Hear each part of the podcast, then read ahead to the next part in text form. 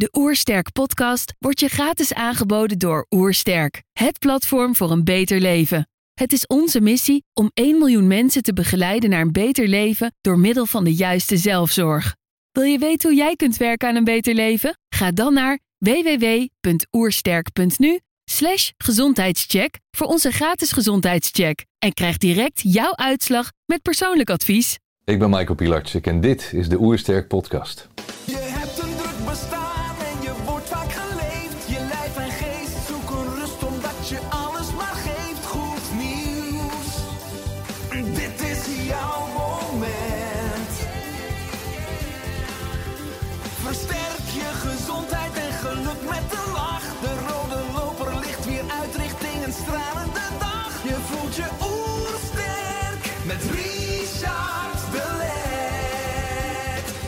Zijn hier in Heemskerk voor een podcast met Michael Pilacek. Michael is oprichter van de Mastermind Academy en van Meditation Moments. Ook is hij auteur van meerdere bestsellers. Ik ben benieuwd naar zijn tips voor een beter leven. Trouwens, geniet je van onze podcast? Abonneer je dan en laat een reactie of review achter. Zo help je ons om het gezondheidsvirus te verspreiden. Let's start! De Oersterk Podcast. Een ontdekkingstocht naar een beter leven. Michael, welkom. Dankjewel. Ik lees op jullie website Leef je mooiste leven. Waarom is het leven van je mooiste leven zo belangrijk? Ja, als je teruggaat naar een van die vragen die we onszelf eh, heel vaak stellen: van wat is nou de zin van het leven? En er komt altijd wel een moment in je leven dat je denkt van waarom, waarom zijn we hier? Wat is de zin van het leven? En die vraag die, die, die stelde ik mezelf ook best wel regelmatig. Totdat een, eh, een van mijn leraren zei: ehm, gewoon je mooiste leven leven. Maak het niet zo complex. Leef gewoon je mooiste leven. En dat vond ik een geweldige uitspraak dat ik dacht van ja, dit, dit is wat we moeten doen. En ik ben eh, een redelijke Bourgondier en ik hou van het mooie, leuke, lekkere leven.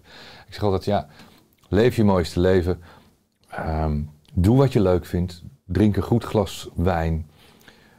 Met, met vrienden, met mensen die je lief hebt. Eh, geniet van elke dag. Leef je mooiste leven. Uh, hoe jij dat wil doen is natuurlijk ieder voor zich. Het zal voor mij anders zijn dan voor jou en uh, voor iemand die kijkt, die denkt van ja, is niet mijn leven, ik zou het anders doen. Het is geheel aan jou hoe je dat invult, maar, maar leef het wel. Leef dat mooiste leven. Het leven is kort. Uh, als je mazzel hebt, dan loop je hier een jaar of 80 of 85 rond op deze planeet. Sommige mensen redden dat niet. Dus die tijd die je hebt is kort. Je toekomst wordt elke dag korter. Geniet ieder moment dat het kan, geniet er zoveel mogelijk van. Je, je ziet wat er gebeurt in de wereld, allerlei rarig, rarigheid, uh, mensen die ziek worden. Uh, ik merk, ik ben 51, dat er mensen zelfs in, in mijn omgeving, van mijn leeftijd, weet je, al vroeg wegvallen of ziek worden, dat ik denk van wauw, uh, laat ons gezegend, gezegend zijn met elke dag die we hebben. En, en maak het gewoon heel simpel. Al is het niet zo eenvoudig natuurlijk, maar leef je mooiste leven. Ja, mooie krachtige oproep. Want ik lees een gelukkig, geslaagd en gezond leven begint met een heldere geest. Daarom is het van belang dat je meester wordt over je mind. Leer jezelf te begrijpen. Leer bewust te leven. En ontdek jouw maximale potentieel. Hoe kan het dat veel mensen, ook het afgelopen jaar, geen meester zijn over hun mind? Nou, je, kan... Uh dat op een hele onaardige manier zeggen dat heel veel mensen uh, geestesziek zijn zonder dat ze dat doorhebben.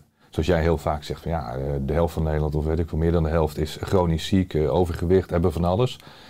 Waarvan veel mensen dat niet eens doorhebben. En ik zeg ja, heel veel mensen zijn geestesziek. In, er is iets mis in onze maatschappij. Want als je kijkt naar het aantal mensen dat burn-outs heeft en, en altijd maar onder stress staat en altijd die, je leest vaak die gespanning aan het lichaam en aan het gezicht al af. Nou, dat kan in, in het hoofd, in, in de geest ook niet goed gaan. Dus heel veel mensen hebben geen heldere geest. Het is niet helder. Ze zijn in de war. Veel mensen in onze maatschappij wereldwijd zijn in de war.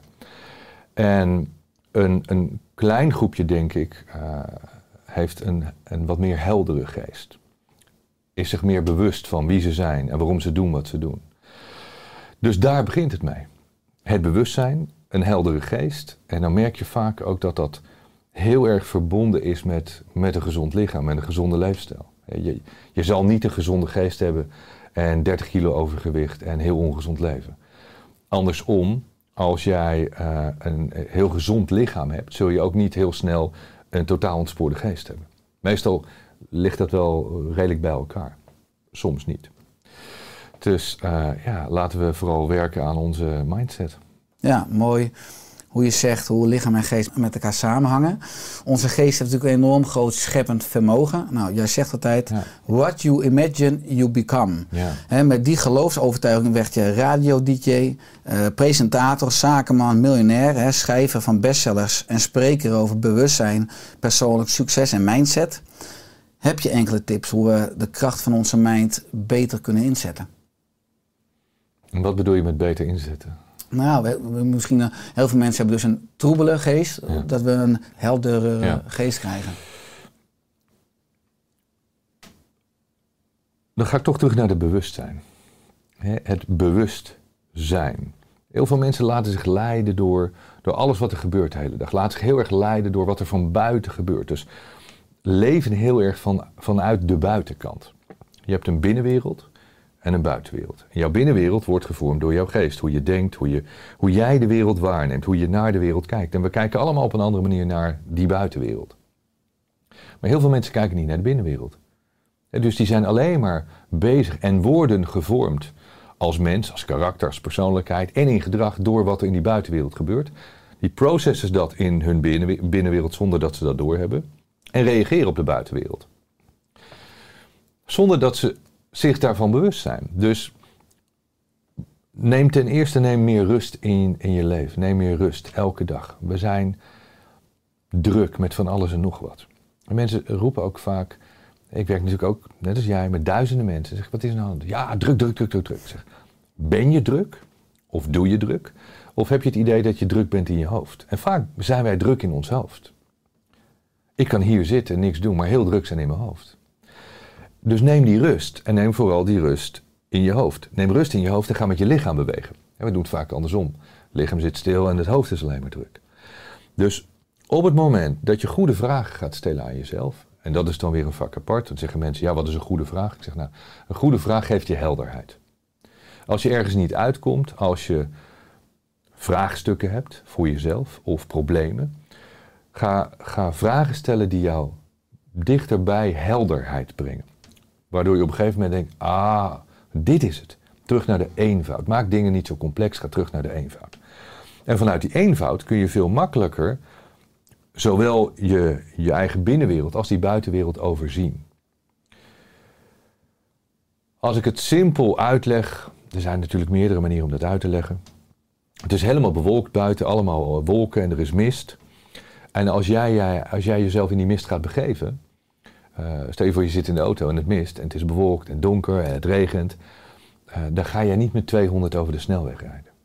Want dat leidt tot angst. En dat is wat wij doen. Wij gaan toch vol gas door de dag heen, zonder dat we weten waar we staan. Dus we, we weten niet zo goed waar wij ten opzichte van onze omgeving zijn en waar we naartoe gaan. Dus we raken in paniek. En als ik dit soort dingen zeg, dan heb je mensen die zeggen, ja, allemaal open deuren, logisch, vanzelfsprekend. Ik zeg, maar waarom los je dat probleem voor jezelf niet op? Want jij doet het ook. Alleen je hebt het niet eens in de gaten. Of je staat op een, een enorm druk verkeersplein en de auto's en fietsen en, en scooters die, die komen van alle kanten. En je, je raakt helemaal in paniek, want jij wil oversteken. Nou, zoek eerst die rust op. Gewoon ga, ga eerst terug naar die rust. Heb het overzicht van wat gebeurt er nou eigenlijk. Want in jouw hoofd voelt het zo druk aan. Maar het is vaak niet zo druk. Als je, als je die gedachten gewoon tot rust laat komen. En dan zeg ik, ga nou elke dag een paar minuten mediteren. En vind je mediteren een te zwaar woord? Neem een momentje voor jezelf. Daarom noemen we onze app ook Meditation Moment. Het is een momentje voor jezelf. Zijn heel veel mensen die tegen me zeggen, ah, mediteren vind ik allemaal niks. Zeg maar, zou je niet een paar keer per dag gewoon een moment voor jezelf willen? Of, of één keer in de week een moment voor jezelf? Ja, dat wil ik wel. Ik zeg, nou, dan gaan we dat doen. Gaan we niet mediteren, moment voor jezelf. Rust krijgen, gewoon even dat, die spanning eruit. Gewoon even relax. En vanaf dat moment kunnen we weer helder gaan denken. Maar niet vanuit de chaos. Is dat een beetje een antwoord op de vraag? Zeker, zeker. Want het is- Altijd terug naar de eenvoud en de rust. Ja. Het is mooi als je het hebt over nou, de binnenwereld en de buitenwereld. Eh, je bent expert op het gebied van mindset. Hè. Een sterke mindset start natuurlijk al in de basis van het leven. Hebben de meeste mensen misschien dus niet de, in de eerste zeven kinderjaren de juiste basis gehad? Of Ja. hebben kinderen nog wel de juiste rolmodellen? Want ook als ouders zijn we natuurlijk allemaal amateurs die het wel met beste intenties doen. Ja. ja. Ouders doen natuurlijk heel veel dingen met de beste intenties voor hun kinderen. En die eerste zeven jaar, dat begrijpen we steeds meer, wordt, wordt heel belangrijk voor die ontwikkeling van het mens later. En juist in die eerste zeven jaar worden er best wel veel fouten gemaakt in de opvoeding, omdat we kinderen willen beschermen. Logisch. Eh, en we weten eigenlijk niet beter, want niemand heeft jou een cursus papa of mama gegeven. Dus je doet maar wat je hebt geleerd van anderen die het misschien ook niet goed deden. En als je kijkt, en dat merk ik bijvoorbeeld nu de laatste tijd heel erg, dat ouders zijn zo beschermend, die, die, die willen voorkomen dat er iets met die kinderen gebeurt. Eh, Ik gebruik wel eens het voorbeeld van, iedereen mag buiten spelen, maar er is één kindje dat mag nooit buiten spelen, want die ouders die zijn doodsbang dat er iets gebeurt, of hè, dat kindje tegen een auto aanloopt, of dat er een ongeluk gebeurt. Dus dat kindje, dat mag wel naar buiten kijken, maar die ziet alleen de andere vriendjes en vriendinnetjes buiten spelen. Maar die wordt zo beschermd dat hij, dat niet naar buiten mag. En de dag dat hij naar buiten mag, heeft geen idee, want heeft geen ervaring met buiten zijn, loopt de straat over, kijkt niet links of rechts, komt een auto aan, kindje wordt overreden. Want is niet voorbereid op de buitenwereld. En dat is wat je heel erg ziet in de, de laatste generaties, de kids van nu, die eigenlijk bijna nergens meer tegen bestand zijn. Ik, ik krijg ze binnen op, op 20, 21 jaar met een burn-out. Dat ik denk van jongens, waar gaat het mis in deze samenleving? Waar gaat het mis in, in de opvoeding? Je kan niet op je twintigste een burn-out hebben. Tenzij er natuurlijk uitzonderingen zijn. Maar dit, dit, dit gebeurt zo aan de lopende band inmiddels omdat die ouders willen die kinderen alleen maar beschermen. Bijna dat je zegt van, laat mij je huiswerk, laat mij je proefwerk maar doen. Dan hou je goede cijfers. En dan komen ze met een rapport met allemaal achter van school. En daarna kunnen ze niks. En dit is een beetje een metafoor van wat er echt gebeurt in de samenleving. Heel veel kinderen kunnen helemaal niks.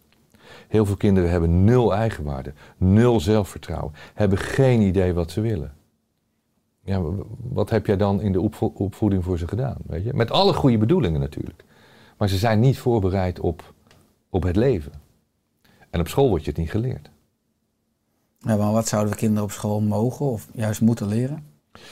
Nou, ik denk dat, dat je naast de vakken die. ehm, ik weet niet meer wat er nu allemaal op school gegeven wordt, maar lezen, schrijven, rekenen belangrijk. Ehm, ik zou een vak eh googlen en YouTube invoeren. hè. leer hoe je moet googlen en YouTuben.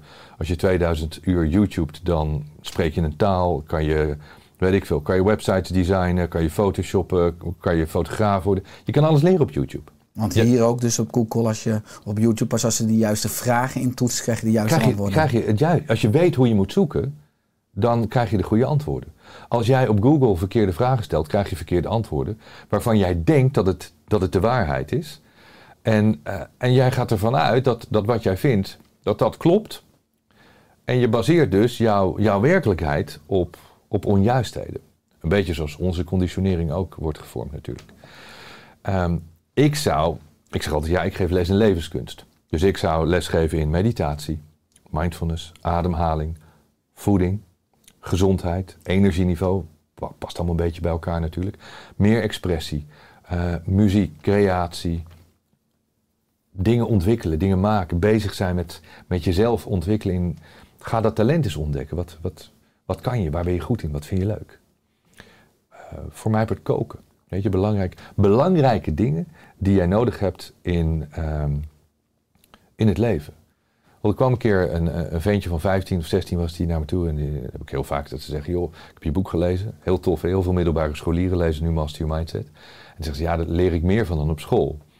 Moet ik nog wel naar school? Ik kan beter eh, jou volgen. In principe vind ik dat dat wel zo is. Maar toch, blijf maar gewoon op school. Maar ik adviseer heel veel kids ook om eh, daarna niet meer door te gaan. Als ze toch niet weten waarom. Eh, als het argument is, ja, mijn ouders willen dat ik die vervolgopleiding doe, zeg ik van, nou weet je, als jij dat niet wil en je hebt een beter idee, ga dan met je betere idee aan de gang. Als je niet weet wat je moet doen, ga dan gewoon een opleiding volgen. Maar ehm,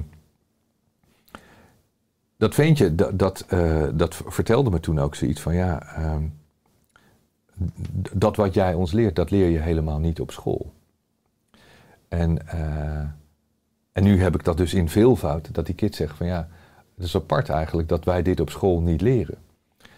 En, dit is een belang, het, het mens worden, het ehm, persoonlijke waarde. Heb ik nog nooit geleerd op school en ik weet dat ze er nog geen lessen geven. Van wat vind je belangrijk? Weet je, eerlijkheid, vrijheid, eh, gezondheid, ehm, verantwoordelijkheid, dat soort dingen uitleggen. En misschien kan het ook wel zijn, hè, vroeger hadden wij op school een vak dat heette maatschappijleer. En dat was meestal de leraar pesten en dat vonden we allemaal helemaal bullshit. Dus ik kan me voorstellen dat als je 15 of 16 bent, dat je dat niet interessant vindt.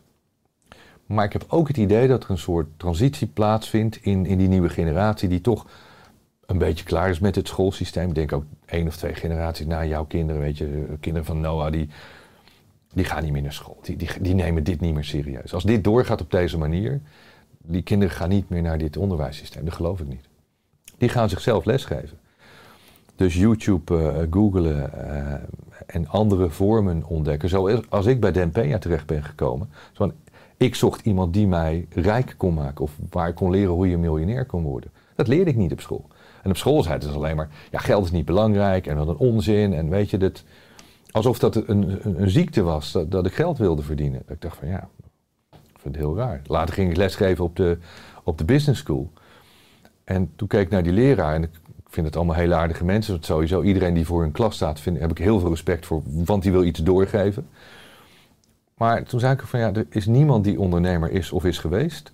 Er is niemand, niemand die ooit eens een bedrijf heeft gekocht of verkocht. Er is niemand die echt verstand heeft van geld, anders dan uit een boek.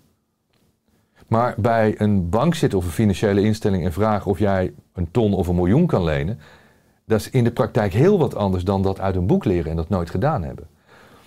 En daar had ik het ook over. Dat ik zeg van ja, er zijn zo weinig mensen die, die les kunnen geven vanuit de praktijk. Ik wil niet boven op de zwarte piste staan met iemand die zegt, nou, ik heb ook een YouTube-cursus eh, gevolgd eh, hoe je moet leren skiën en nu gaan we het samen doen. Kijk, sommige dingen kun je wel leren op YouTube en op Google en uit een boek en op een cursus bij mij of bij jou, maar je moet het wel doen. Je moet, je moet wel leren. Je, je, je kan er niet van uitgaan dat je eh, twee dagen bij mij op zo'n programma bent en dat je het daarna weet. Nee, daarna moet je het zelf elke dag gaan toepassen.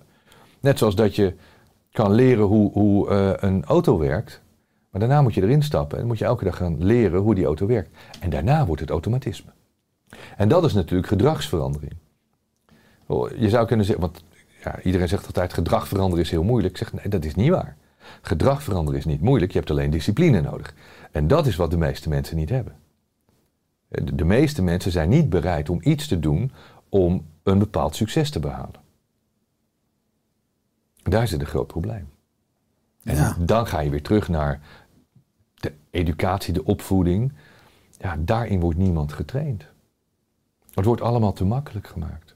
Mensen kiezen bijna allemaal, het is een beetje generiek, maar bijna allemaal voor de makkelijke weg. Dat is altijd zo.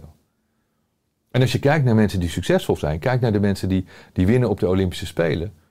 Kijk, kijk naar de, de echte toppers. Snelste man van de wereld traint vier jaar, elke dag, dag en nacht, om negen seconden te lopen op, op die 100 meter. Ja, wie heeft dat ervoor over? De meeste mensen zijn bereid om 10 seconden tijd te investeren en willen dan een medaille. Maar zo werkt het niet. En dan vertel ik dit soort verhalen en nu ook. Ik weet zeker, er zitten mensen te kijken die zeggen: Ja, weet je, lekker makkelijk praten. En, eh, nou, want heel, heel snel gaan we dan in de verdediging als we de waarheid horen. Want we willen die waarheid niet horen. Ik wil ook de waarheid niet horen als iemand tegen mij zegt: Mike, je moet meer trainen. Je, je, je roept wel dat. eh, ik heb thuis iemand zitten die, die dat tegen mij roept. Je hebt het altijd over gezondheid en dit en lichaam. En, maar je hebt zelf al maanden bijna niet gesport. En ik zeg net tegen ik ben een paar kilo aangekomen. En ik merk het gewoon, weet je. Mijn, fysiologie, het, is niet slecht, maar ik ben minder krachtig dan dat ik normaal ben. En hoe komt dat? Ik heb al anderhalf jaar niet op een podium kunnen staan. En normaal train ik om... Ik wil op het podium wil ik eruit zien als, als een Terminator. Weet je? En ik, Vanuit je noodzaak. Ja, en ik ben niet zo en ik heb niet zulke armen, weet je, ik ben niet de, rock. Maar, maar ik wil er voor mijn doen op mijn best uitzien. Mijn, mijn persoonlijke maximale potentieel wil ik, wil ik benutten. En nu ik die noodzaak niet heb is het verlangen blijkbaar niet groot genoeg om zo hard te trainen. Nou ja, dat zei Cindy tegen me een paar weken geleden. En nu ben ik gewoon elke, echt elke dag weer aan het trainen. Ook omdat ik denk van ja, weet je, het is een soort spiegel die iemand voor moet houden van, je kan niet dingen roepen en het niet doen. Practice what you preach. Dus wat ik altijd zeg, ik leef mijn mooiste leven. Er zijn veel mensen die proberen te doen wat ik doe. Ik zeg, nou ja, kijk naar het track record van iemand. Ik maak het ook keer op keer waar. Niet als, als bravoer of om op te scheppen, maar ik wil mijn mooiste leven leven. Mhm.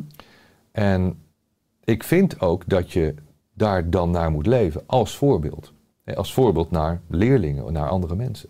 En hoe leef jij nu je mooiste leven? Ja, ik denk bijna 100 procent. 1000 procent. Ja. En als we kijken naar hè, jouw levenspad, als we het toch hebben over het onderwijs ook. Hè, je groeide op in Soetermeer. En na het voortgezet onderwijs studeerde je twee jaar journalistiek in Utrecht. Daarna besloot je, en het was toen in 1990, om naar San Diego te gaan voor een cursus radio, broadcasting en marketing. Waarom nam je toen die stap? Nou, ik ben eigenlijk journalistiek gaan eh, studeren. Dat had, had met een paar dingen te maken. Ik, ik wilde bij de radio werken. En niet bij de radio, maar ik wilde bij Veronica werken. Veronica was toen de tijd, praat ik over eind jaren 80. Dus 40 jaar geleden, is het 40 jaar geleden? Ja, 30 jaar, 30 jaar geleden. 41 jaar geleden. Ja. Of eind jaren 80, ja, 30 jaar geleden. Ja. 1987. Ja. Dus, eh, Veronica was, was wat 538 lang is geweest. Weet je. Het was by far het populairste station. Jeroen van Inkel, Wessel van Diep, Erik de Zwart, Rob Stenders. De kans dat je daarbij zou komen was kleiner dan dat je in het Nederlands elftal zou komen. Dus toen ik zei dat ik daar wilde werken, zei iedereen, nou weet je, vergeet het maar. Eh, ja, kansloos, gaat, no- nooit, gaat nooit lukken, onmogelijk. Mijn ouders, mijn vader zei, je moet in je toekomst denken. Op school zeiden ze, dit is niet realistisch. Je moet een vak kiezen, je moet, je moet geld gaan verdienen, je moet later een baan hebben. Eh, Ik wilde bij de radio, ik wilde bij Veronica en er was niks anders en niets zou mij tegenhouden. Maar er was ook niet een opleiding voor. Dus toen ik op de middelbare school zat, eerst op de HAVO, daarna VWO. Als ik klaar was, dan eh, ging ik of sporten, want ik deed nog best wel op hoog niveau atletiek. En de rest van de tijd was ik bezig in mijn studiootje, thuis, weet je, pielen, mengpaneeltje, plaatjes, pick-upje. En was ik aan het oefenen. En omdat ik toch zoiets had van, ja, stel nou dat, dat het niet lukt, eh, wat is mijn backup plan? Waarvan ik nu zeg, je moet nooit een backup plan hebben. Maar ik wilde ook heel graag regisseur worden. Sp- Spielberg vond ik te gek, weet je wel. eh, Dick Maas, Jan de Bond, dat soort. Dat ik dacht, wauw. Naar Hollywood, dat vond ik te gek. Weet je, in Amerika wonen, films maken. Ik keek echt heel veel bioscoopfilms. Dus ik had me aangemeld voor de filmacademie. En op school, we hadden een hele vrije school. Je mocht zelf kiezen wat je deed. Eh, zat ik altijd in het tekenlokaal en ik was aan het fotograferen, en films aan het maken. Vanaf mijn tiende al, weet je, echt eh, filmpjes maken. Elfde was ik denk, de middelbare school, eerste klas, ja, zou elf zijn.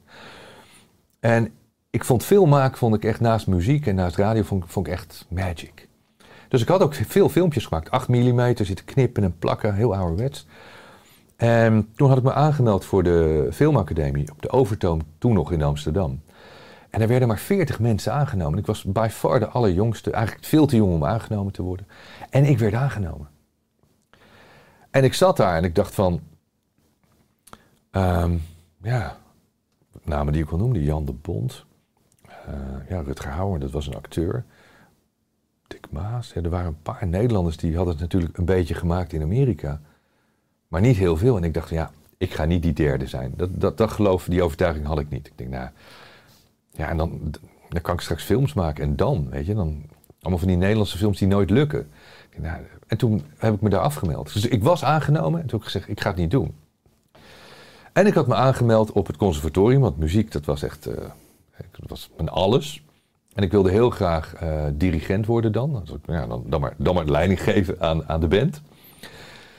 En daar had ik me niet heel erg op voorbereid. Wel met piano spelen, dat kon ik best wel aardig. En toen zat ik in het conservatorium in, eh, in Den Haag. En toen moest ik, wist ik ook niet, weet ik veel, twee, drie, vierhonderd mensen van die eh, kandidaten zaten in de zaal. Moest het podium opkomen, die mevrouw, zo'n zo'n pianolerares. van, Nou, dit is een F. Zingt u dit eh, muziekwerk maar. En ik dacht, zingen? Ik kom hier piano spelen. Dus moest ik voor al die mensen gaan zingen. En als ik één ding echt niet kan, maar echt niet, is het zingen. Dus ik dacht van, ah, als er nu zo'n zo'n gat zou zijn in het decor, weet je, laat mij nu door het decor heen zakken en dan, ik ben weg en ik kom nooit meer terug. Nou, ik heb geprobeerd te zingen, ik kan me niet, niet echt herinneren en dat is nooit wat geworden.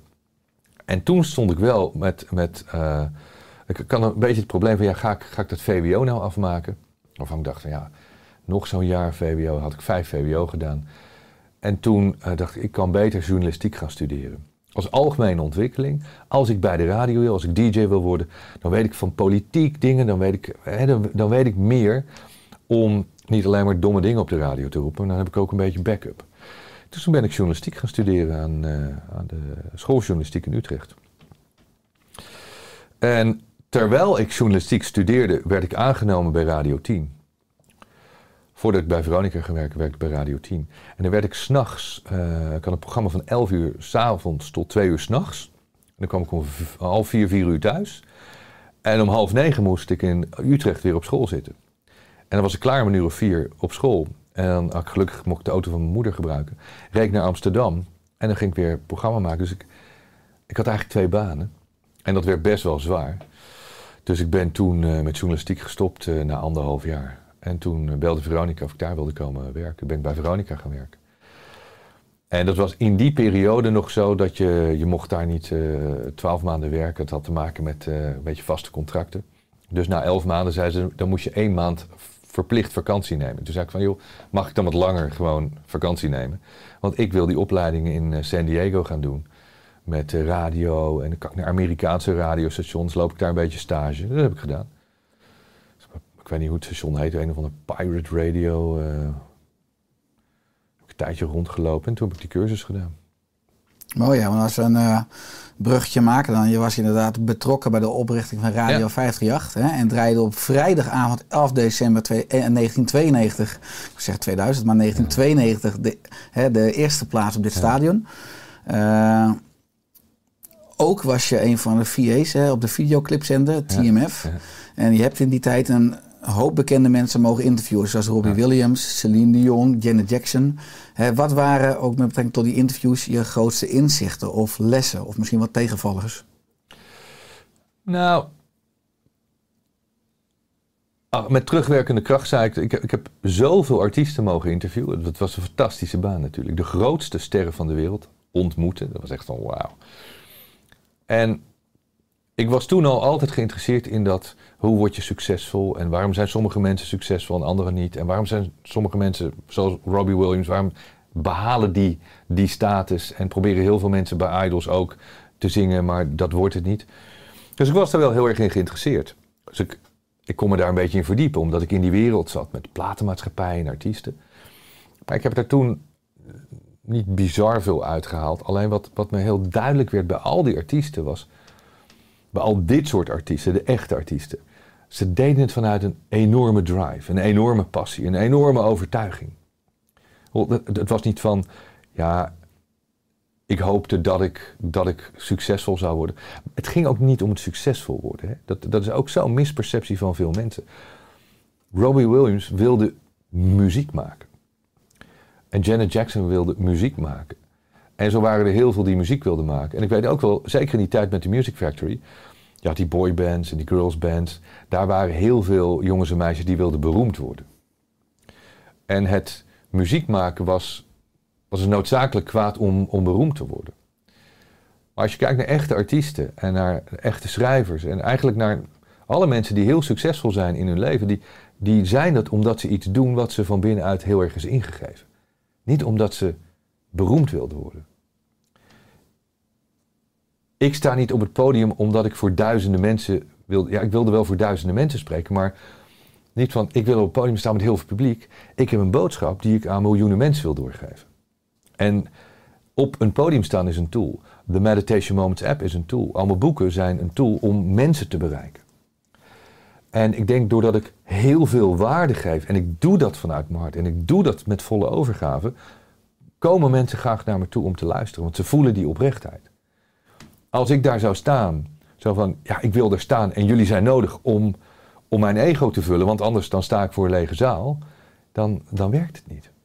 En dat is met, met elke artiest die niet oprecht is, dat voelt het publiek. Dus dat heb ik wel geleerd van al die artiesten. Dat het is zo'n enorme drive. Niet opgeven. Nooit opgeven. Ik, vind- er is een waanzinnig mooie docu ook waar, waar je heel veel van dit soort dingen kan zien. Ehm, waarvan ik nu even de naam niet meer weet, maar het is met Dr. Dre en ehm, ik kom erop straks.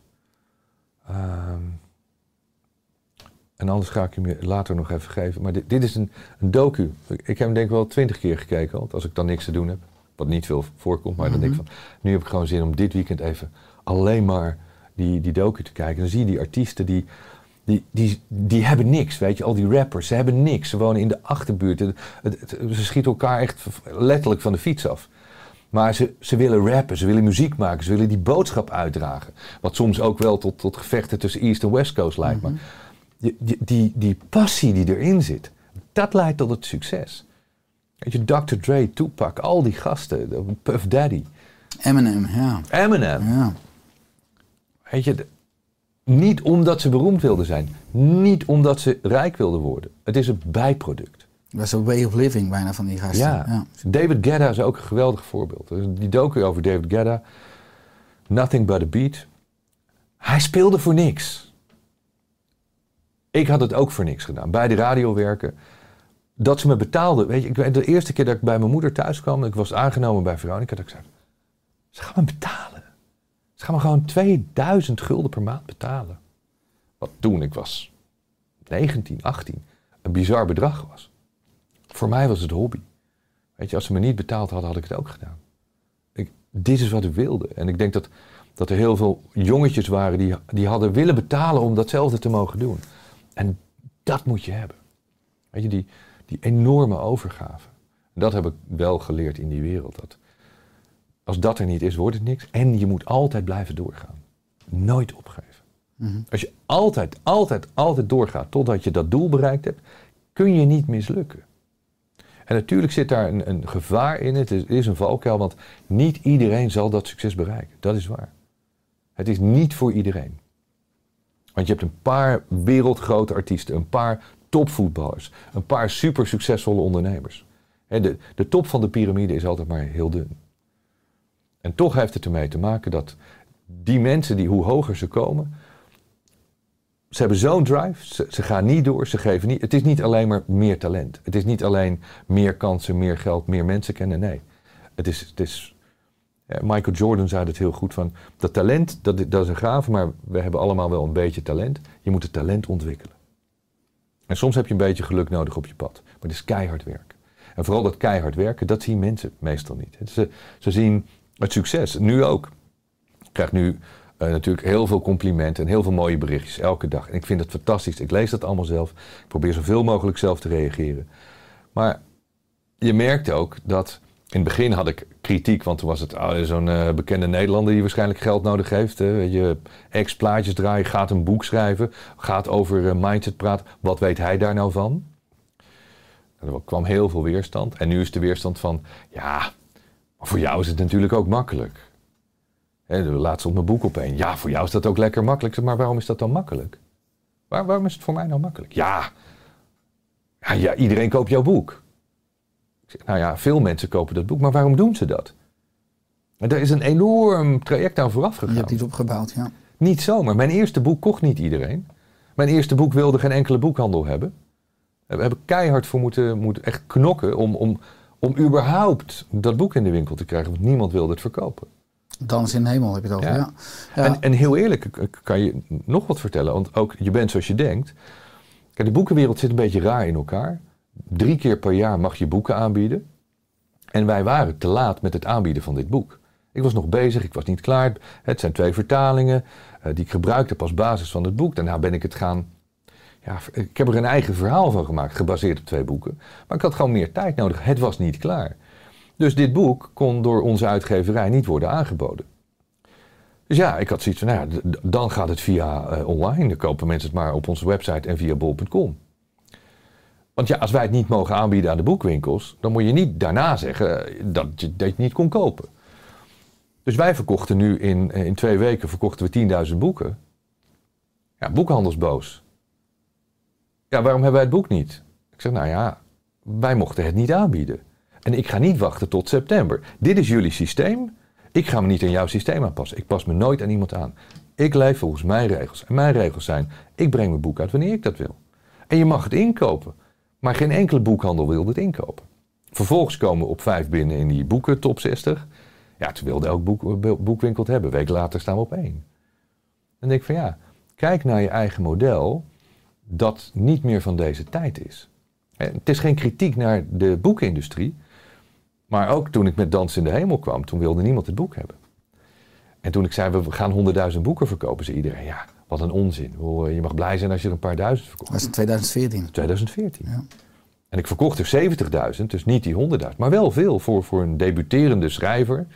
En wat ik echt fantastisch vond, die schrijverswereld is ook niet altijd even vriendelijk naar elkaar toe.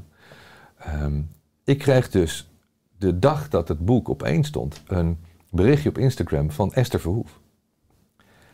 En Esther Verhoef is wel een van de auteurs in Nederland die echt honderdduizenden boeken verkoopt, maar echt heel veel. Die van het schrijven kan leven. Nou, meer dan. Dat is een van de weinige Meer dan. auteurs van Nederland. Ja. Maar je moet echt wel, echt wel dat soort aantallen verkopen eh, om, om ervan te kunnen leven. En als Esther Verhoef een boek schrijft, ik denk bijvoorbeeld zijn er honderdduizend verkocht. En dat doet ze één keer in de zoveel jaar, dus dat, ja, daar kan je van leven. En zij stuurt mij via Instagram een berichtje, want zij stond op één, dus ik had haar van één eh, verstoten en zegt, gefeliciteerd, zo knap, ik weet hoe moeilijk het is. Dit krijg je niet zo. En dat, dat heeft me echt geraakt. En toen dacht ik van, wauw, ik kijk tegen zo iemand op, dat, dat, ja, daar raak je mij mee. Weet je, en denk ik van, wauw. En, en dan denk ik van, ja, ik, ik ben blij en gelukkig en trots, want het is een enorm traject van hard werken. Oh, ik, ik, weet je, dat, dat weet je ook. Ik schrijf niet zomaar wat op. En alles wat wij, ik hou van mooie dingen maken. Dus ik hou van mooie zinnen, van mooie woorden en van mooie boeken. Het moet er verzorgd uitzien. En we kwamen erachter, eh, er zijn een paar boeken niet goed gedrukt, een beetje vervaagde pagina's. Ik, daar baal ik van. Ik kan er niks aan doen, want die boeken gaan van de drukker naar de boekwinkel. Ik heb dat niet gezien. Komen mensen die zijn boos op mij, of boos. hè, eh, wist je dat? Eh, ik zeg, joh, je krijgt een nieuw boek. Want ik vind dat vervelend.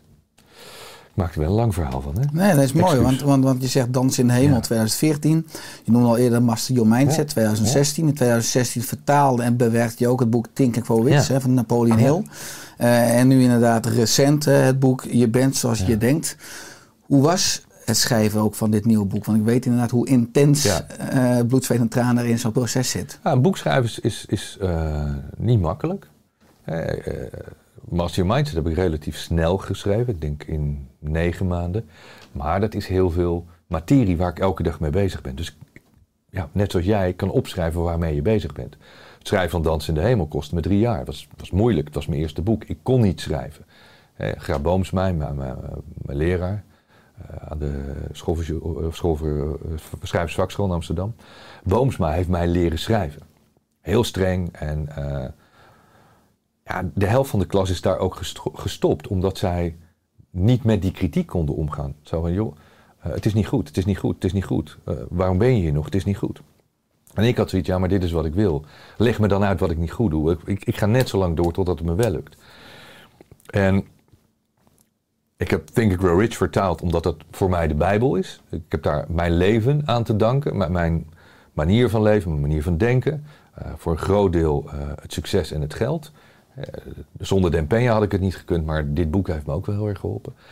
En dan heb je The Science of Getting Rich en As a Man Thinketh van, eh, van James Allen. Twee klassiekers, 1903, 1910 geschreven. Dus allemaal ja, denkwijzen, patronen van toen, 100 jaar geleden. En vooral As a Man Thinketh vind ik een fantastisch boekje. Het is heel klein, maar heel moeilijk ook om, om te lezen. Eh, We hebben het originele oude Engelse boek gelezen waar we echt niet doorheen kwamen. Ik doe het samen met George Sommer, dus, mijn co-redacteur. Al die vertalingen wil ik iemand bij hebben om te kunnen sparren. Wat vind je van deze zin? Wat vind je van dit woord? Iemand anders, zoals hij, George komt met een ander woord. Ja, dan zeg ik veel beter woord. Om iemand te hebben, om mee te counteren, die zegt... Mike, ik begrijp niet wat er staat. Of eh, dit kan je beter. Ehm, dit hele stuk tekst kan er wel uit. Dus zo werken we dan samen. En wij hebben, ik denk anderhalf jaar gewerkt aan die twee vertalingen. En gaandeweg merkte ik dat ik steeds meer ging schrappen en dingen op mijn eigen manier ging schrijven en steeds meer dingen van mezelf erin ging schrijven, nog meer ging strappen. Waardoor ik zei, ja, eigenlijk zijn het geen vertalingen meer. Het is gebaseerd op het gedachtegoed van Wallace D. Wallace en James Allen. Maar ik mag het geen vertalingen noemen. Maar het is ook niet mijn boek. Ik heb te veel van, van hun gebruikt. Omdat ik vind dat er is zoveel kennis, zeker deze twee mooie boeken. Geef dat door. Waarom, waarom iets nieuws schrijven als er iets heel goeds is van toen, wat je kunt verpakken in iets nieuws, waardoor mensen nu zeggen: Oh, het is zo lekker makkelijk geschreven. Terwijl die originele zijn moeilijk om doorheen te komen. En vervolgens heb ik er het een en ander voor en achter en tussendoor geschreven. Vanuit mijn visie, ehm, om het boek ook weer actueel te maken. Ja, het is een fantastisch boek. Hè. In de inhoudsopgave zie ik hoofdstukken als je denkwijze bepaalt je succes, effectief handelen en ook de frequentie van groei. En kun je over een van deze zaken iets toelichten? Welke? Nou, de, de laatste, de frequentie van groei. Ja. Als je begrijpt dat wij energie zijn, dus een, een mens bestaat feitelijk uit energiestroompjes. Eh, Als je het medisch wetenschappelijk gaat maken, zou je eh, het lichaam kunnen meten.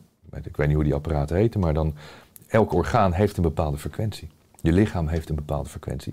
Je emoties hebben een bepaalde frequentie. In jouw gedachten kun je zelfs meten. Die hebben ook een frequentie. Kun je eh, een EEG maken. ECG maken.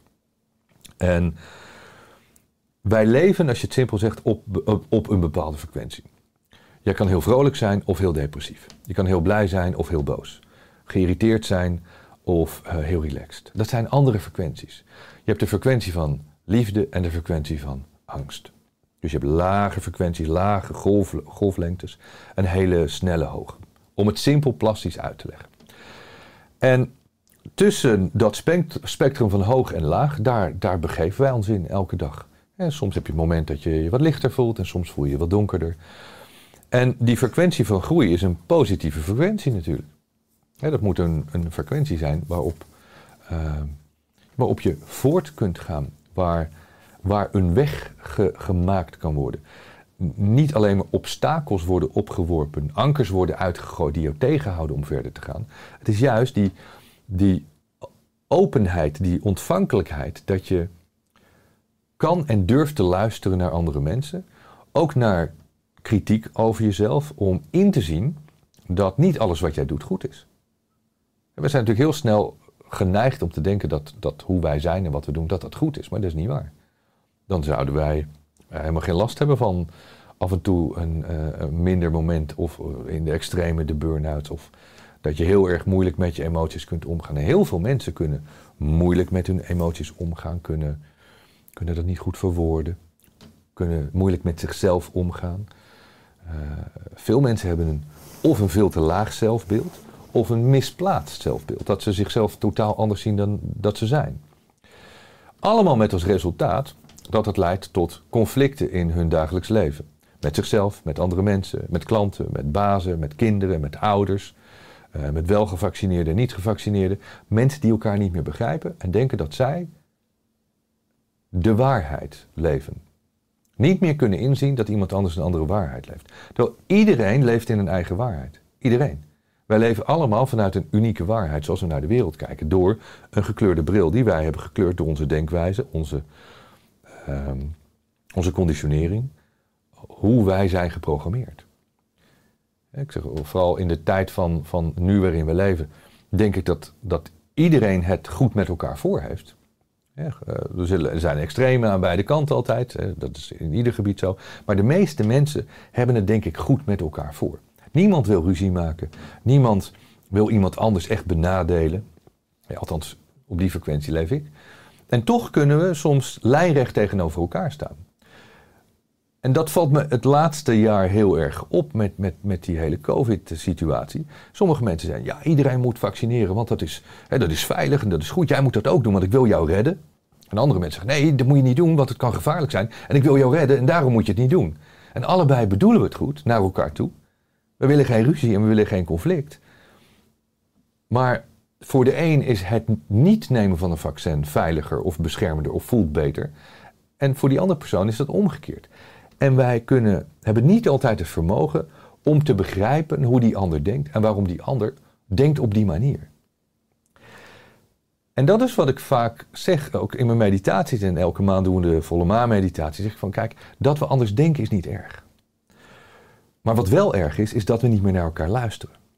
En Krishnamurti zei, ik denk 100 jaar geleden al, spiritueel leraar uit, uit India. Het maakt niet uit of jij nou wit bent, of zwart, of geel, of rood, of waar je vandaan komt, welke taal je spreekt. Of jij nou moslim bent, of christen, of protestants, of je gelooft nergens in, doet er niet toe. Het enige wat ons echt van elkaar onderscheidt, is hoe wij denken. En hoe wij denken is vormgegeven door die sociaal-etnische, economische achtergrond. Door, door de genen, niet door je DNA-genen, maar door hoe jij bent gestuurd en gekneed en gevormd. Door de kerk, door je school, door je ouders, door je omgeving. Daarom denk je zoals je denkt.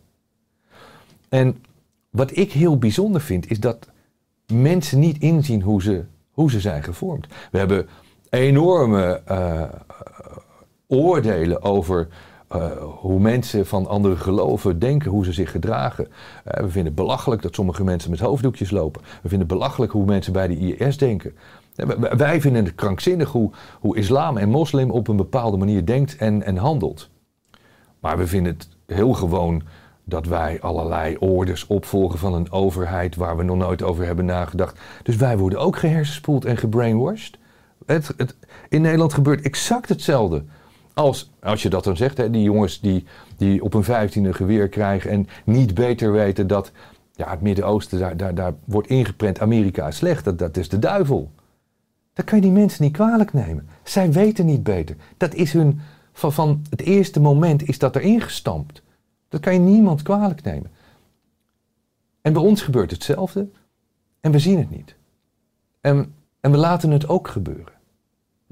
Iedereen volgt een bepaald beleid of een bepaalde opgelegde denkwijze van, in dit geval dan een overheid of van een sociale omgeving. Zonder dat we daar nou heel bewust mee bezig zijn van, wat doe ik nou eigenlijk? Waar, waarom ga ik mee in deze gedachtenstroom? Kan ik nou niet die afstand nemen om daar met een ontvankelijke blik eens naar te kijken van wat gebeurt er nou eigenlijk? Nou, dat staat in dit boek. En dat is waar ik natuurlijk les in geef. Ik zeg ook ja, wat doe ik? ik mijn, mijn missie is mensen wakker maken. En dat doe ik uh, soms heel lief en soms heel aardig. En soms ga ik staan schreeuwen. Want de wekker moet lawaai maken om jou wakker te maken. Ja, als jij een wekker hebt die heel zachtjes zegt: Ries, wakker worden, Ries. Ries, wakker worden. Ja, kom zo. Ries, je moet er echt uit. School begint. Je moet naar je werk. Het leven gaat door. Je, je, moet mensen soms wakker schudden. Voor hun eigen bestwil. En dan ben ik die ouder die probeert iemand anders te beschermen voor waarvan ik denk, ja, je gaat met volle vaart tegen die betonnen muur aan en trap nou op die rem. Maar je ziet het niet. Of trap in ieder geval even op de rem, om daarna bewust de keuze te kunnen maken of jij vol gas met 200 tegen die muur aan wilt rijden, of dat je zegt, hé, hey, dank voor de tip, ik neem even een andere afslag. En dat is bewustzijn. Maar op het moment dat ik zo ga praten, en zo openlijk praat ik niet altijd over dit soort dingen in het openbaar, wordt heel snel gezegd: Ja, maar, ja, ja, weet je. Je ziet mensen helemaal verkratten als ik zo praat. En ik, relax. Er is niks aan de hand. Er is niets aan de hand. Ik roep alleen niets. Maar jij verwerkt dit op een manier dat blijkbaar bij jou de stoppen al doorslaan. Waarom? Weet je? En dat is natuurlijk, als we naar het nieuws kijken, we worden zo vaak emotioneel getriggerd. Afghanistan, China, Oeigoeren, weet ik veel, Houthis, Tutsis, door de hele geschiedenis heen. Dat is natuurlijk nooit anders geweest. Ik ben me dat de laatste tijd gaan beseffen dat wij denken dat dit iets van nu is, maar het is niet van nu. Het was in, in de vorige eeuw was het ook zo. In de Tweede Wereldoorlog en daarvoor, in de Eerste Wereldoorlog en daarvoor. En de jaren ervoor was het ook zo. Dus mensen denken altijd op een bepaalde manier. Er zijn bepaalde patronen te herkennen door de hele geschiedenis heen. En als je nu kijkt naar wat er wereldwijd gebeurt, buiten het feit dat er heel veel dingen gebeuren waar je veel vragen bij kunt stellen, dat je denkt van, maar waarom gebeurt dit nou eigenlijk? Is toch eigenlijk raar? Zie je wel bepaalde patronen. En om die patronen te doorbreken, moeten wij als mensheid, als, als massa, moeten wij ontwaken. Dat klinkt dan weer zo spiritueel, maar wij moeten gaan inzien dat er dingen gebeuren waar wij niet van op de hoogte zijn. En we zien ze niet. En sommige mensen die willen ze niet zien. En zelfs als we ze gaan inzien, dan willen we niet geloven dat dat zo is. En dan zeggen ze vaak, ja, maar dat zijn complottheorieën of jij bent een wappie. En dat zeggen mensen die zelf totaal niet weten waar het over gaat. Je mag mij een complottheorist noemen of een wappie, vind ik allemaal goed. Of een spiritueel meester of een, uh, zakkenvuller. Wat, je, wat jij roept moet je zelf weten. Het verandert mij niet. Oh, ik, ik, kan in een winkel ik kan een blauw t-shirt ophangen en dan kun je zeggen, ja dit is een witte broek, maar het blijft een blauw t-shirt. Dus wat jij ervan maakt, gebeurt in jouw binnenwereld. Omdat wij niet meer in staat zijn om de werkelijkheid waar te nemen zoals die is. En ja, dat is allemaal wat in ons kopje gebeurt natuurlijk. En daarom denk ik dat een groot gedeelte van de wereld in de war is. En ik snap dat wij in de war zijn. Want er gebeurt een hoop. En veel mensen beginnen steeds meer dingen in te zien. En raken daar ook best wel van in de war. Dat je denkt van maar. Als het leven wat wij leven en de werkelijkheid waarin ik geloof. Als die totaal anders is dan wat ik had gedacht. Waar ook vele boeken over zijn geschreven. Laatst het boek van Marcel uh, Messing gelezen. Waarin hij dat al beschreef in 2006 volgens mij. Stel nou eens voor dat de werkelijkheid waarin jij leeft totaal anders is dan je zou denken. Truman Show zo'n film volgens mij, dat, dat hij niet weet dat hij in de film zit. Met Jim Carrey, ja. ja. Stel nou eens dat ons leven ook zo is. Dat geeft te denken. En of het nou zo is of niet, dat doet er niet toe. Maar dat je daar onbevangen over na kunt denken, zonder dat wij direct in conflict gaan, maar dat we denken van, goh, ik denk dat dat zou zo kunnen zijn. En jij zegt, nou, ik denk van niet. Maar waarom denk je dat, Ries? Leg mij eens uit, waarom zit ik zo op het verkeerde denkspoor? En ik ben bereid om naar jou te luisteren. ik luister graag naar veel partijen. Alleen doe je eigen onderzoek. Neem niet alles maar zo aan. Net als dat. Ik zeg, ik zeg ook altijd: als mensen van mij leren, studenten, mensen die programma's volgen, boeken lezen, neem niet zomaar wat aan. Weet je, ik neem heel veel van jou aan, omdat ik, ik vertrouw jou. Hè, door de jaren heen ik van, als jij wat zegt, klopt het meestal wel. Soms ga ik toch even checken of het klopt. Of ik vraag een andere deskundige van, joh, Richard zei dat, klopt dat? Dan zeggen ze, ja, dat klopt. Ik zeg, nou, dat is mooi, weet je, heeft hij weer gelijk. Maar neem niet zomaar wat aan. Christian Moeite zei dat ook. En er zijn vele leraren geweest die zeggen, ik kan je heel veel leren, maar jij moet je eigen waarheid vinden. Door ook andere leraren te zoeken. Je moet niet blind varen op één goeroe, op één leraar. Dat moet je niet doen. Dat heb ik ook nooit gedaan. Als ik kijk naar mijn scala. Den Peña, succesvol zakenman, multi-multimiljonair. Aan de andere kant heb ik uh, Tulku Lopsan, een, een monnik. Anna Maas, spiritueel lerares. Echt tot, tot aan de tiende graad spiritueel. Uh, Rashri Patel, Art of Living. Uh, Sri Sri van de Art of Living. Uh, ik, ik heb een heel breed palet van leraar. Jij bent voor mij een leraar. Ik heb veel geleerd van uh, gezondheid, voeding, van jou, van Duco. Weet je, ik heb ook artsen in mijn, netwerkje ge, gezocht. Van, daar kan ik meer van leren, omdat ik ik praat over dingen waar ik soms niks van weet. Dus ik moet leren hoe, hoe dat werkt, hoe fysiologie werkt, hoe biogenetica werkt. Ik moet dat weten. Anders kan ik er niet over praten. Dus ik zoek leraren. En dat maakt mij tot wie ik ben, omdat ik al die kennis van die goede mensen kan gebruiken. Maar ik ga toch niet naar één leraar luisteren? Stel je voor dat ik alleen naar Den Pena had geluisterd. En dan was ik nooit met een meditatie begonnen. Als ik alleen maar naar spirituele leraren had geluisterd, was ik nooit miljonair geworden. Ik zeg niet nooit, maar snap je? De, Mhm. de kans is klein. Ja, het mooie is wel als je het hebt over het nieuwe boek. Je bent zoals je denkt. Dat jij je hele leven ook al op je eigen wijze denkt. Hè, dat je Ja. uiteindelijk je mooiste leven nastreeft en uiteindelijk op dat punt bent. Ook bijvoorbeeld als je het hebt over succes. Hè. Radio 538 was een succes. TMF was een groot succes. Toch besloot je in beide in 1999 om te stoppen. Ja. Later in je leven, hè, in 2010, be- besloot je om een, eh, op zeiltocht te gaan langs alle kusten van Europa. Hè, eh, tot en met 2013. Eh, als je terugkijkt, hè, wat hebben deze jaren je gebracht? Welke jaren? Nou, ook van 2010 tot 2013. Omdat ik las, dat was een zeilen. zinnetje die me raakte, ook van, eh, Ja. van, de, van de zeiltocht. Tijdens die reis naar bewustzijn kwam ik tot vele spirituele inzichten. Ja. Ja, kijk. Ik leefde daarvoor ja, geen glitter glamour leven. Dat heb ik nooit gedaan. Maar ik zat wel in die wereld van media. Ik zat bij de radio, al die artiesten, grote artiesten mogen interviewen. Eh,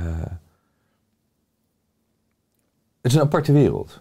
Eh, het is, het is, misschien is elke wereld apart, maar het, was wel een, een bijzondere wereld. En ik ben dolblij dat ik het heb mogen meemaken, want het, wa- het was fantastisch mooi om dat te mogen doen. Maar het heeft me ook onder druk gezet. Het heeft me, het heeft me in zekere zin gesloopt, omdat ik 22 jaar lang keihard heb gewerkt. Het was mijn passie en het is nog steeds mijn passie, maar ik werkte van, van ochtends vroeg tot diep in de nacht. Ik sliep soms nachten niet. Tot, tot begin 30 sliep ik één nacht per week niet. En dat ontstond omdat ik als DJ eerst één nacht per week aan het eh, draaien was op de radio. En dan in het weekend was ik vaak eh, aan, het, aan de DJ'en. Dus ja, dan kwam ik thuis om vijf uur, zes uur. Ja, dan had ik zoiets van om nu nog te gaan slapen. Dus vanuit dat werk sliep ik gewoon één nacht per week nooit. Later, toen ik stopte als DJ, dacht ik, dat is handig. Als ik die ene nacht gewoon, dat ben ik toch gewend. Als ik blijf werken, of nou muziek ga maken, ik maak toen ook eh, plaatjes. Of ik, ik ga gewoon door met werk, ik had een bedrijf. Ik win acht uur waarin niemand mij stoort. Waarin ik zoveel productiever kan zijn dan de rest van de week. Dus het was voor mij gewoon, ja, ik werkte gewoon de nacht door. Nooit gehad. Dus ik had altijd acht dagen. Of een extra vrije dag, dat kun je ook zien natuurlijk. Maar ik had heel hard gewerkt en ik was ehm, en privé eh, best wel veel meegemaakt. Hoop gedoe. Dans in de hemel boek over geschreven. Eh, niet alles is waar, maar wel op waarheid gebaseerd. Tussen mijn 25ste en mijn 30ste heb ik meer rechtszaken meegemaakt dan de me- meeste mensen in hun hele leven. Eh, heel veel zakelijk moeilijke, vervelende dingen meegemaakt. Dingen waarvan ik dacht van, wat gebeurt er hier? Kan de wereld zo in elkaar zitten? En dat heeft me heel hard gemaakt en ik heb er heel veel van geleerd. Gaf je in die tijd ook een schuld van 2 miljoen? Ik had die schuld natuurlijk. Ja. Ja. dat was domheid. Ik had mijn geld verloren op de beurs. Dat was wel mijn schuld. Eh, vond toen natuurlijk dat de schuld... Van, en het is deels ook de schuld van de bank. Want die hadden mij nooit zoveel geld mogen lenen. En mij in bescherming moeten nemen. En ze hadden niet de sterker eruit mogen trekken. Maar goed, het is gebeurd. En als dat niet gebeurd was, had ik nu nooit zo succesvol kunnen zijn. Want de pijn die dat opleverde. En de schuld van eh, toen, ik had 1,9 gulden, 1,9 miljoen gulden schuld. Eh, bijna een miljoen euro dat, dat creëerde een noodzaak voor mij om, om eerst dat geld terug te verdienen. Want de bank zei gewoon, ja, we trekken je omver. En toen heb ik gezegd, oké, doe dat nou niet, doe dat nou niet. Geef me drie dubbele hypotheek op mijn huis. Dat huis valt niet om. Je kent me, ik heb altijd geld verdiend. Ik ben altijd zuinig geweest. Ik weet nog niet hoe, maar ik ga het voor elkaar krijgen. Binnen een paar jaar heb je dat geld terug. Komt goed. Ik dacht ook, ik moet wel 400 jaar gaan werken om dat geld terug te betalen. Dat zag ik niet zitten. Toen kwam ik Dempea tegen. En die leerde me hoe je in korte tijd een bedrijf kon bouwen, bedrijven kon kopen, kon consolideren, om dat uiteindelijk dan te verkopen. Van de QLA, de Quantum QLA, ja, Advantage. Dus dat heb ik gedaan. Ik heb verschillende mediabedrijven opgekocht, internet begon, eh, internet geïntegreerd met televisie. En uiteindelijk werd het een groot televisiebedrijf, omdat internet begin jaren 2000, dat ging niet meer zo goed, want de breedband werd niet uitgerold. Dus het, het bleef haperen op televisie. Maar het werd wel een heel eh, succesvol bedrijf in een bepaalde niche. En daardoor was dat bedrijf heel veel geld waard voor kopers. Ik had drie kopers op dat moment. Dat was ook een luxe natuurlijk. Er kwamen drie mensen naar mij toe. Eh, waaronder Endemol en de Telegraaf. En uiteindelijk vond ik de Telegraaf strategisch een veel betere partner. Dus we hebben het verkocht aan de Telegraaf. Dat was in 2007. 2007. Ja. En toen ben ik nog eh, bijna twee jaar gebleven. Was ik al wel aan het afbouwen. Ik deed eigenlijk al geen televisieprogramma's meer. Ik wilde gaan zeilen. Ik was mijn boot aan het voorbereiden, aan het bouwen. Ik ben naar de eh, zeevaartschool geweest in eh, Enkhuizen. Ik ben in Gibraltar geweest. Heb ik een, een, lange cursus Yachtmaster gedaan. Ik heb me echt goed voorbereid omdat ik echt rond de wereld wilde gaan zeilen. En toen zei ik ook na twee jaar zo'n beetje van... joh, ik stop ermee. Ik wil ook niet in de directie bij de Telegraaf. Ik zie het allemaal niet zitten. Mijn persoonlijke waarde is vrijheid en genieten van het leven. En niet eh, veel geld verdienen, dat had ik al. In een kantoor zitten en de baas spelen. Waarop iemand ook letterlijk zei, maar, maar laat je je status dan zomaar gaan. Toen zei ik van wauw, als jouw leven is, is, is gebouwd op jouw visitekaartje, op jouw status. En dat gebeurde later natuurlijk ook dat heel veel mensen bij bedrijven als de Telegraaf en RTL, die verloren allemaal hun baan. En die waren hun persoonlijkheid, hun alles kwijt. Ze waren ineens niks meer. Ze waren een naam, maar die naam was niks meer. Want alles was, was gefund op, op die status. En ik ben nooit van die wereld geweest. Ik, ik, ik heb ook geen visitekaartjes, weet je wel. Ja, hoe- waarom, weet je. Maar het is ook meer, ik ben gewoon wie ik ben. En eh, hallo, weet je. En toen zei ik, nou ja, dit is niet mijn wereld. En ik wilde zeilen. Zeilen was mijn, mijn grootste droom, altijd geweest. Toen ik klein was, toen eh, hing mijn hele kamer behangen met, met posters uit de waterkampioen. Weet je, mijn ouders hadden de waterkampioen. Ik knipte al die posters uit met boten en eilanden en palmbomen. Dat vond ik fantastisch. Dus met terugwerkende kracht begreep ik dat ik mijn hele leven had gevisualiseerd. Vanaf dat ik een klein mannetje was. Elke avond, elke middag als ik in het kamertje zat, was ik aan het kijken naar bootjes. Dus ja, toen mijn, mijn vader uiteindelijk een bootje kon kopen, want zo rijk zijn wij nooit geweest. Mijn vader kocht een heel klein bootje, vijf meter. Nou, dat is niet een heel groot bootje. Toen gingen we zeilen en toen dacht ik echt van, wauw, dit is, weet je, dit is magic. Rond de wereld met je eigen boot, op een boot wonen, dat werd mijn droom. En toen, toen ik het bedrijf had verkocht, had ik eigenlijk net al die boot gekocht, want ik kon die boot helemaal niet betalen. Had ik geld geleend bij de bank en ehm, dat, gaf de bank omdat het met dat bedrijf goed ging. Dus weet je, je hebt niet soms miljoenen nodig om je droom te kunnen leven. Ik had nog steeds die schuld, maar ik kon ook een beetje geld lenen van de bank om een boot te kopen. Een jaar later verkocht ik het bedrijf. En toen, eh, toen heb ik dus besloten om me echt voor te bereiden op het zeilen en te vertrekken. Toen ben ik weggegaan. Toen ben ik gaan zeilen. En jouw vraag, wat heeft het met me gedaan? Het gaf me heel snel rust en stilte. Dus al die stress en die. Ik zeg niet dat ik een echte burn-out heb gehad, maar ik, ik was wel. Ik was klaar. Ik was afgebrand. Ik wilde geen mensen zien. Ik was deep down in depressed. Ik zag het leven niet meer zitten. Ik had nergens zin in. Ik wilde op mijn boot. Ik wilde weg. Laat me alleen. Laat me met rust. Echt. En dat, iedereen uit die periode weet dat nog wel. Vrienden, fa- familie. Weet je, ik, wilde met, ik wilde niemand zien. Ik wilde met niemand omgaan. Dan praat ik over 2009. Hè? En ik stapte op die boot en dat gaf, het gaf lucht. Ik hoefde me nergens anders mee, mee bezig te houden dan de stand van mijn zeilen, het weer, de, de wind en de golven.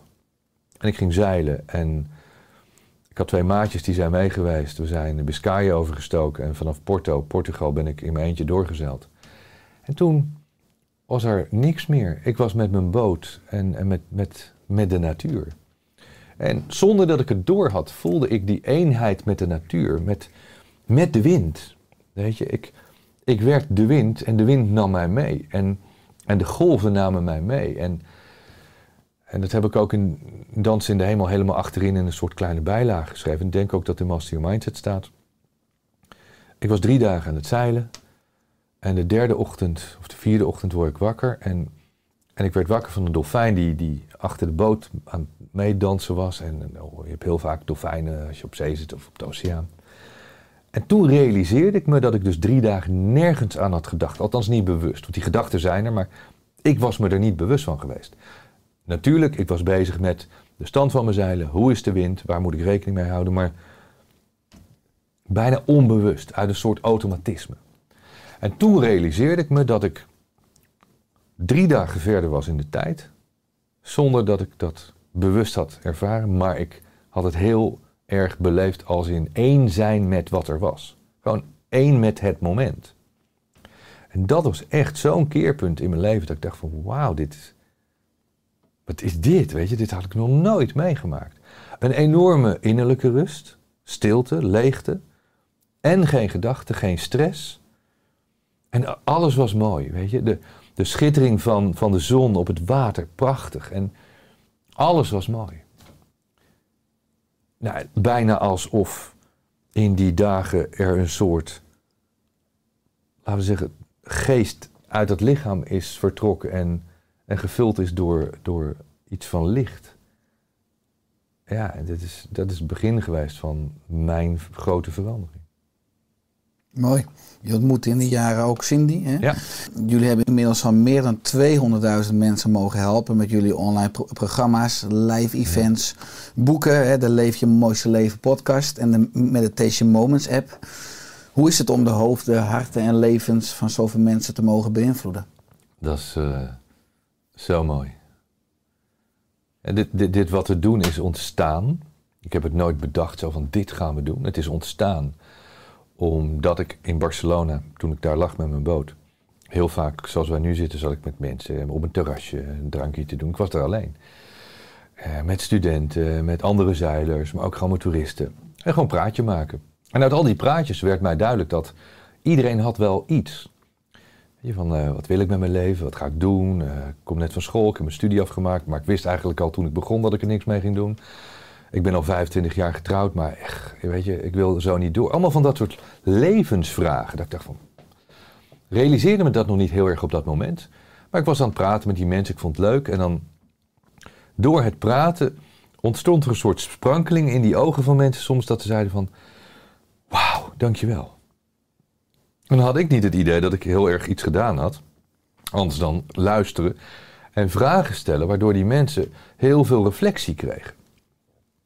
Het gevoel misschien hadden dat ze geholpen waren. En dan zag je mensen soms opleven.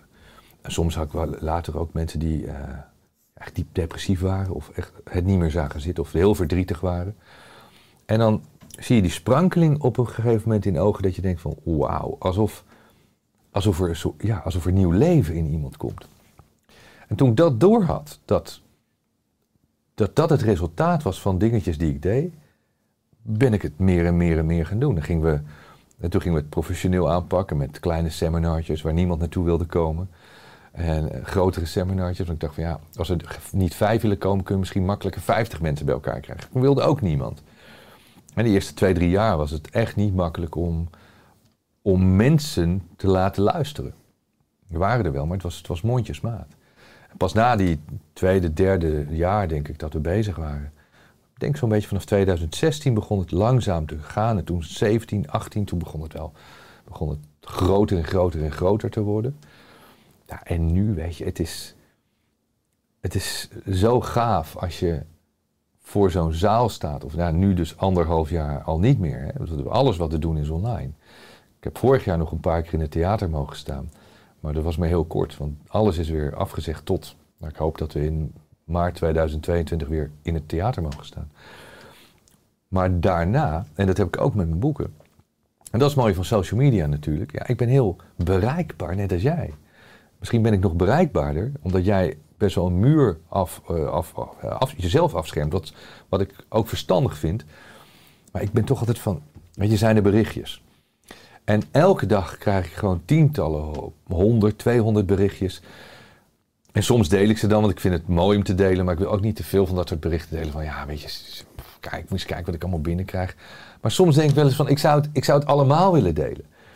Mensen die zeggen, joh, ik stond echt op het randje en uh, ik heb je boek gelezen en ik las dat jij ook op zo'n randje hebt gestaan van het heeft geen zin meer. En ik heb je boek gelezen, ik heb, ik heb er zoveel zin in, weet je. Tot aan, ja, vaak van, van, van depressief naar ik heb er zin in het leven. Ik leefde ongezond, ik leef gezond, ben gestopt met, met drinken, met roken. Uh, ben gestopt met mijn relatie, want de relatie was niet gezond. Uh, relatie met mijn ouders is verbeterd. Ik heb gewoon weer zin om te leven. Ik heb inzicht gekregen in, in het vinden van wat ik wilde gaan doen. Elke dag krijg ik zoveel van die reacties dat ik denk van wauw. Als ik, en ik zie dat, dat is een gift, hè, ik geloof daarin, dat ik denk van ja, ik heb deze stem gekregen om daar iets nuttigs mee te doen. Als ik dat niet doe, dan, dan merk ik ook in mijn leven gaat het niet goed. Dus ik moet altijd met die stem werken. Het is letterlijk trouwens zo dat heel veel mensen van jouw stem genieten. Maar dat, dat is zo. En toen ik het niet deed, toen, toen ging het in mijn leven minder. Zakelijk ging het minder, privé ging het minder. Nu werk ik weer een paar jaar met mijn stem, met die Meditation Moments app. Ja, als je ziet hoeveel. We hebben nu 600.000 mensen die dat ding gebruiken. Het ding, de app. Mm -hmm. waarvan inmiddels 150.000 mensen buiten Nederland. Hoe fantastisch het is om berichtjes te krijgen uit Amerika, uit Rusland, uit Zweden, uit Italië. Ja, dat vind, ik vind dat magisch. Weet je, dat mensen luisteren naar mij en zeggen dan ja, ik word daar rustig van. Of als ik gestrest ben, weet je, dan word ik weer relaxed. Of ik, ik, ik ga over bepaalde dingen nadenken en denk van wauw, weet je, dat is toch te gek. Ik, ik kan, en dat is onze missie, hè, zoals jij zegt van ja, ik wil een miljoen mensen in Nederland gezond laten leven. Heb ik gezegd, nou, ik wil 10 of 100 miljoen mensen een klein beetje iets meegeven dat ze een momentje van licht mee hebben gekregen in hun leven. Dat ze een klein beetje geluksgevoel hebben, een klein beetje bewustzijn. Dat hun leven iets mooier is geworden. Dat, dat ik het steentje heb mogen bijdragen aan dat mooiste leven. Dat is, dat is de missie. En als ik dat terugkrijg, denk ik van wauw, dit vind ik, ja, vind ik magisch. Mooi, mooi om te horen. Ook het nieuwe boek. Je eh, bent zoals je denkt op één bestseller. Ja. Honderdduizenden mensen in de Meditation Moments app. hè, die die ook dagelijks gebruiken. Ja. Duizenden mensen in jullie online jaarprogramma. Die voor maar volgend jaar 2022 ook weer een, een vervolg Ja. krijgt. Wat is je doel of ambitie voor 2022? Het is zo moeilijk om, om nu eh, targets te zetten. Omdat we weten niet wat er allemaal mag en kan. Als het aan ons ligt, dan gaan we drie dagen live Maxpot doen. Maximum Potential. Ik wil het liefst een heel groot event eh, organiseren. We zijn deze week in de mainstage geweest in Den Bosch. Eh, Ik denk dat we daar met 3.500, 4.000 mensen in kunnen. Dat klinkt heel veel. we waren in de zaal om te kijken van hoe gaan we de zaal indelen. En toen dacht ik van, god, het voelt nog best wel knus. Wij zijn veel bij Tony Robbins geweest. Ik ben bij Tony geweest met eh, 500 mensen, met, met 1500 mensen, met 15.000 mensen. Met 15.000 vond ik het heel veel. Maar eh, met 1500, ik weet nog wel dat we in, eh, we waren in eh, Orlando of Mi- Miami. Met, met denk 2.500, 3.000 mensen met Date with Destiny. Dat ik ook dacht van, goh, het is helemaal niet veel. Het voelt niet veel. Het voelt pas veel als het echt 10.000 zijn. Dus we hadden zoiets van, joh, als, wij, als we volgend jaar live kunnen met 3.000, 4.000 mensen. Want ik denk dat iedereen staat te trappelen. Ik merk, veel mensen doen mee met het, met het online programma. Maar heel veel mensen zeggen ook, joh, ik wacht totdat je weer live bent. Want Ja. het is toch anders. Ja. En ik begrijp dat. Eh, ja, ik denk dat als het mag, dan wordt het, dan wordt het te gek. Het, het zal nog wel even duren, want eh, ik ga ervan uit dat het niet voor de zomer gaat worden. En hoe dat ga- gaat met testen en alles. Ik heb geen idee. Ik weet niet of ik het podium op mag. Hey, ja, misschien mag ik er wel niet in. Ehm, maar om die reden hebben we natuurlijk wel geanticipeerd op, op de situatie. Hebben we nu een enorme grote nieuwe studio die we aan het bouwen zijn. Om al die live events, mijn theatershows, dat soort dingen echt in het theater te kunnen maken. Dus ja, ik had wel één droom, een eigen theater. En dat, dat hebben we nu bijna gerealiseerd. Er kan publiek in, maar er zit dan geen publiek. Maar eh, net zoals misschien weten mensen, dat Tony Robbins heeft van die enorme schermen. Dus ik heb- 360, ja. ja, ik, dat vond ik te ver gaan. En eh, weet je, oh, hij is wel Tony en je moet ook wel weten waar je staat. Maar ik geloof dat we een scherm hebben van, van 6 bij 3. Dus het, dat is een huge scherm. En dan kan ik voor dat scherm staan en op die Zoom eh, zie ik, weet ik veel, duizend mensen. En we hebben er 4000 die meedoen. Dus ik kan, kan, kan iedereen kan ik zien. Ik, als ik een gesprek met jou wil hebben, dan zie ik jou levensgroot. En iedereen ziet mij met jou. Dus het voelt als live. En daar ben ik heel is er zoveel mogelijk, ja. Ik moet zeggen, de investering was ehm, veel meer dan ik ooit had kunnen denken. Maar ik heb het ervoor over, weet je. Het is, het is een lange termijn investering. En eh, ja, ik denk dat we daar heel veel profijt van gaan hebben. Eh, Volle maan meditaties elke maand. Cindy is bezig met de flow. Dat is beweging met meditatie. Dat gaan we ook elke maand doen. Dus ja, dat gaan we heel veel doen. En voor mij nog steeds, eh, eh, ik moet nog heel veel meditaties opnemen. Want ik heb nog een enorme lijst die ik in het Engels moet doen.